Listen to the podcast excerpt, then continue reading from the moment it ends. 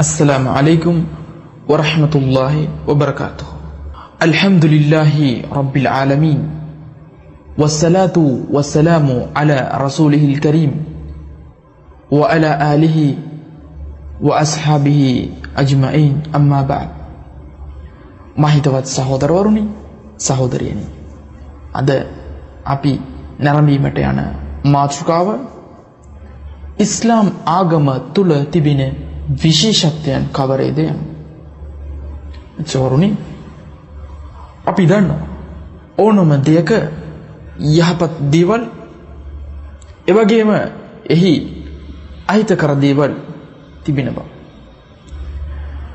නමුත් අපි ඕනම දෙයක රුජුව අපි දෙපැත්තම බැලිය යුතු. එහි අපිට ගුණාත්මක භාවය ලබා දෙන්නා වූ. අපිව අපේ නිසි අරමුණ කරා රැගෙන යන්න වූ දේවල් කවරේද. අපි මොනවගේ අවස්ථාවන් බල මුලාවට පත්කරවන්න දේවල් මොන විදියට තිබෙනවද යනුවෙන් තීක්ෂණ ඥානය උපයෝගී කරගෙන විමසීමෙන් යුතුව ගැනීමෙන් කිරීමෙන් ලබා ගැනීමෙන් අවස්ථාවන් වලදී අපි කටයුතු කළ යුතුව තිබෙන. මේ ඕනම දෙයක් වෙන්න පුළුවන් මේ පොදු මතයක්. ඒ ආකාරයට මම අද ඔබව රැගෙන යන්නේ තවත් වූ පැත්තකට. එනම් අපි ලෝකයේ ඕනම දෙයක් ගන්නා විට අහන විට අපිට එයින් තියෙන ප්‍රයෝජන කවරේද යනුවෙන් සලකලා බලනවා. එහි කල් පැවැත්ම එහි මිල එය ව්‍යාජ්‍ය එකක්ද සත්‍ය එකක්ද යන. නමුත් අපි අපේ දෙමව්පියන්ගෙන් හිමි කරගත් එකම කාරණාව නිසා අපි එක දෙයක් කෙරෙහි යම් ආකාරයෙන් යම් ආකාරයකින් අපේ විචාරශීලී බුද්ධිය අන්ත කර ක්‍රියා කරන ආකාරය අපි දැක තිබෙනවා. මේ ව්‍යාජශීලී මේ අන්ධ භක්තියෙන් යුතුව කරන ක්‍රියාවන් සමහරක් නිසා අද සමහර පුද්ගලයන් පවා ලොකු සමාජයක් රැවටීමට මුලා කිරීමට ඉදිරිපත් වෙන ආකාරය අපි දැක තිබෙන. අපි සවන් දුන් පුවත් වලින් පුවත් වලින් කීපයක් හැටියට කාලාන්තරයක් තිස්සේ සමාජයේ ගරු බුහුමන් වලට ලක්ව මිනිස්යන්ට ආශිර්වාද කරමින් හිටපු ආගමික නායකයන් ඒ ආගමේ නම පාවා දෙමින් තමා දෙවියා තමාට දෙවියා ආරූඪ වෙනවා යනුවෙන් පවසමින් සමාජي ඉහළ තලයට ගොස් නැත්තටම නැති වුණු සිද්ධීන් අපි දැක තිබෙනවා. ස්ත්‍රී දූෂණ, මුදල් වංචා, ඒ වගේම බලහත්කාරකම් මේ විදිහට තමන්ට අත්තුණු බලයන් ඒවා අනිසි ලෙස පාවිච්චි කරමින් සමාජයේ වෙනත් උදවේ කෙසේ කටයුතු කරන්නද එසේ මේ ආගමික නායකයන් කටයුතු කරන්නට යෑම එවැනි පුවත් අපිට ආරංචි වෙලා තිබෙනවා. එසේනම් අපි මදකට ඕනම දෙයක් කිරීමට පෙර මේ ඇත්තටම වෙන්න පුළුවන්ද? මේ වගේ දෙයක් තිබෙනවද? යනුවෙන් සලකා බැලීම වටී අපි අන්ධ භක්තියෙන් ගිලී වැරදි දෙයක් කිරීමට වඩා ඒ ආකාරයට මෙලොව යහපත් අරමුණු කර යොමු කරවන ධර්මයන් ආගම් රැසක් තිබෙනවා. මේ ධර්මයන් වලට තමන්ගේ මිල මුදල් තමන්ගේ ශ්‍රමය කැපකර කටයුතු කිරීමට ඉදිරිපත් වෙන භක්තිකයන් සිටිනවා. මේ භක්තිකයන් ඔවුන්ට තිබින්නව එම භක්තිය ඒ භක්තිය වෙනුවෙන් ඔවුන් කරන්නට ලෑස්ති වෙන දේවල් ලබා ගැනීමට අයුතු ආකාරය ඔවුන්ව ආකර්ෂණය කරන්නා වූ ආකාරය ක්‍රියාදාමයන් කර ඔවුන්ගේ මිල මුදල් සූරා කරන ආකාරය සමාජයේ තිබෙනවා. එසේනම් අපි වටහා ගත යුතුයි ඇත්ත తත්වය කුමක්ද? මේ තුල සත්‍යතාවයක් තිබෙන්න පුළුවන්ද යනුවෙන් තහවුරු කර ගැනීමේ අයිතිය තිබෙනවා කෙසේ අපි යම් භාණ්ඩයක් අපිට අවශ්‍ය දෙයක් ලබා ගැනීමේදී එහි తත්වය අපි කෙසේ පරීක්ෂා කරන්නේද? එසේ පරීක්ෂා කිරීමට අපිට අයිතිය ඒ වගේම හැකියාව තිබෙනවා. ඉස්ලාම් ආගම ඒ අතින් මෙලොවටම පහල කරන ලද්දා වූ විවෘත දහමක් ඒ විවෘත දහමේ විවෘත ආරාධනාව සියලුම මනුස්ස සමාජය කෙරෙහි තිබෙනවා මෙය යම් සීමිත පිරිසකට කොටු කරගෙන මොවුන්ට පමණයි මෙය යනුවෙන් සිතීමට ඉඩ නොදී එහි මූලික ග්‍රන්ථය වන ශුද්ධ වූ අල් කුර්ආනයේ මේ විවෘත ආදා ආරාධනාව කරනවා. එනම් කුල් යා අහ්ලල් කිතාබ් تعالوا إلى كلمة سواء بيننا وبينكم ألا نعبد إلا الله ولا نشرك به شيئا ولا يت يتخذ بعضنا بعضا أربابا من دون الله فإن تولوا فقولوا اشهدوا بأننا مسلمون සූරා ආල ඉම්රාන් 64 වන පරිච්ඡේදයේ දෙවිය පවසන විට නියත වශයෙන්ම දේවදූතයනි ඔබ පවසන්න දේව ධර්මයේ ලද දේව ධර්මයේ ලද අයවලුනි එන්නේ ඔබලා හා අපි අතර එකම වචනයක් යටතට පැමිණෙන්නේ. ඒ වචනේ කුමක්ද? අල්ලා නඅබුද ඉල්ලල්ලා. අපි සත්‍ය දෙවිය අපේ මැබිම් කරුවා වන අල්ලාහ් හැර වෙන කිසිම කෙනෙක්ව নমස්කාර නොකර සිටිමු. වලා යත්තඛිද බාදුනා බාදන් අර්බාබ මින් දුනිල්ලා අපි අපි වෙනුවෙන් අපි එකෙක් එක් එක්කෙනා වෙනුවෙන් දෙවිවරුන්ව පත් නොකරගමු එයින් වැළකී සිටිමු.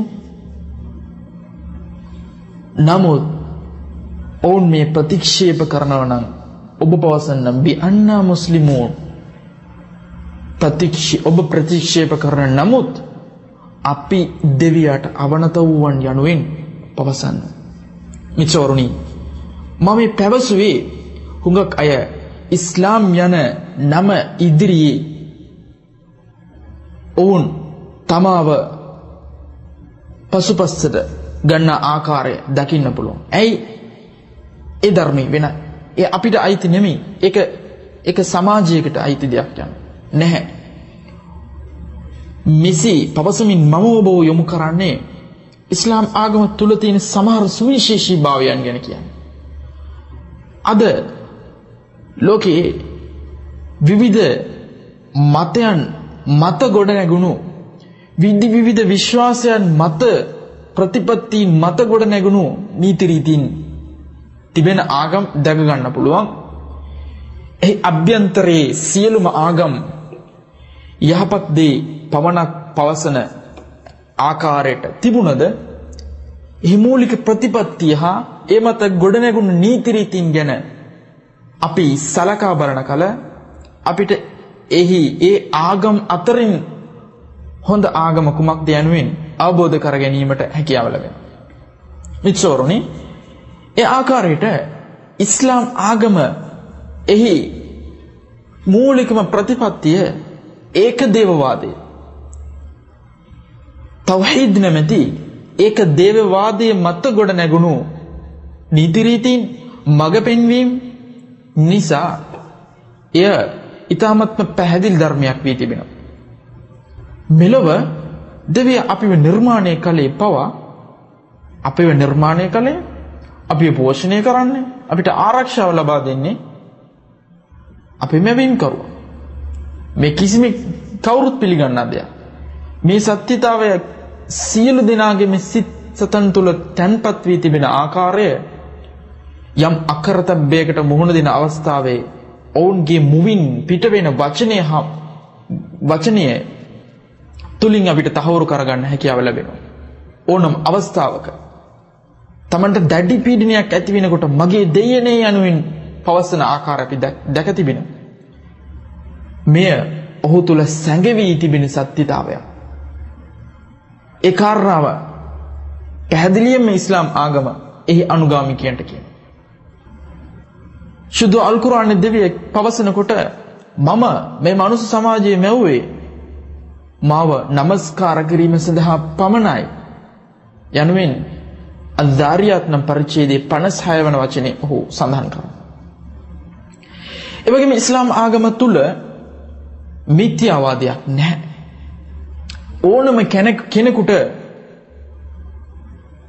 යම් ඇඳුමක් දාගෙන අලුතින් යමක් සමාජගත කර ඒ ආගමක් යයි පැවසීමට ඉස්ලාම් ආගම තුල ඉඩක් නැහැ. කාරණය මෙයයි ඉස්ලාම් යනුවෙන් මුද්‍රාව තබා හමාරයි. එයට පිටතින් පැමිණෙන ඕනම දෙයක් වුවද මුස්ලිම් කෙනෙක් තමන්ගේ තීක්ෂණ බුද්ධිය පාවිච්චි කර ශුද්ධ වූ ග්‍රන්ථයන් වෙතට යොමු වී මොහු පවසන කාරණාව ඉස්ලාම් තුළ තිබියද නැද්ද කිය තහවුරු කරගැනීමේ හැකියාව මුස්ලිම් වරුන්ට තිබෙනවා. එවැගේම මේ මුළු ලොව් ලොවටම විශාල අභියෝගයක් ලෙස ශුද්ධ අල්කුරාණය තිබෙනවා. එය ඒ අල්කුරාණය පිළිපදින්නන්ට ගෞරවයක් හැටියටත් ඒ අල්කුරාණය ප්‍රතික්ෂේප කරන්නන් හමුවේ ඒ අභියෝගයක් හැටියටත් ඒ අද තිබෙනවා. වසර එක්දහස් හාරසීයක් පැරණි ග්‍රන්ථයක්. මේ තුළ පැරණි වචන තියෙන්නේ. මේ තුළ තියෙන දේවල් නීතිරීතීන් දැනට ගැලපෙන්නේ නැහැ. මේ පවසන්නේ ඉස්ලාම් ආගම අනුගමනය කරන අය නෙමේ අනුගමනය නොකරන අය. ඉස්ලාම් ආගම ඒ අනුගමනය කරන අයට එම නීතිරීතින් කිසිම තදභාවයක් හෝ එය ඒ නීතිරීතින් පිළිපැදීම කෙරෙහි අවුල් වියවුල් භාවයක් ගෙනදන්නේ නැහැ. එනම් මෙම ශුද්ධ වූ අල්කුරාණය මුළු ලොවසියන්ටම ආරාධනා කළා. මුළු සමාජයටම පවසනවා ඔබලා මේ ශුද්ධ වූ කුරආනය ගැන හිතන්නේ නැද්ද? ඔබලාගේ හදවත් වලට විලංගු දමා තිබෙනවද? ජන. ඒ වගේම ඉස්ලාම් ආගම තුල ලොකු කුඩා අය ස්ත්‍රීන් පිරිමි යනුවෙන් මේ ભેදයන් ඒ ભેදයන් තුල ජීවත් වෙන උදවියට නිසිතින ලබා දෙන අතර කිසිම පුද්ගලයෙක් අතර උසස් පහත් ભેදයක් නැහැ. සුදු අල් කුරානයේ දෙවියා පවසන විට ඔබලාවම කුල වශයෙන් හා ගෝත්‍රයන් වශයෙන් නිර්මාණය කළේ ඔබලා අතර හඳුනා ගැනීම සඳහා. නමුත් ඔබලා අතර ඊ타මත්ම ශ්‍රේෂ්ඨ පුද්ගලයා බිය බැතියෙන් යුතුව දෙවියාට බිය බැතියෙන් යුතුව කටයුතු කරන්න යනුවෙන් බිය භක්තියට හොඳින් ජීවත් වෙන අයට මුල් තැන ලබා දී තිබෙනවා. ඒ ඔවුන් පිරිමින් වූවද ස්ත්‍රීන් වූවද තවත් තැනක අල්ලාහ් කියනවා වමන් යඅමල් මිනස් සාලිහාති මින් දකරින් අව් උන්සා වහුව මුමිනුන් فأولئك يدخلون الجنة ولا يظلمون نقيرا සූරතු නිසා 124 වෙනි පරිච්ඡේදයේ අල්ලාහ් වාසන.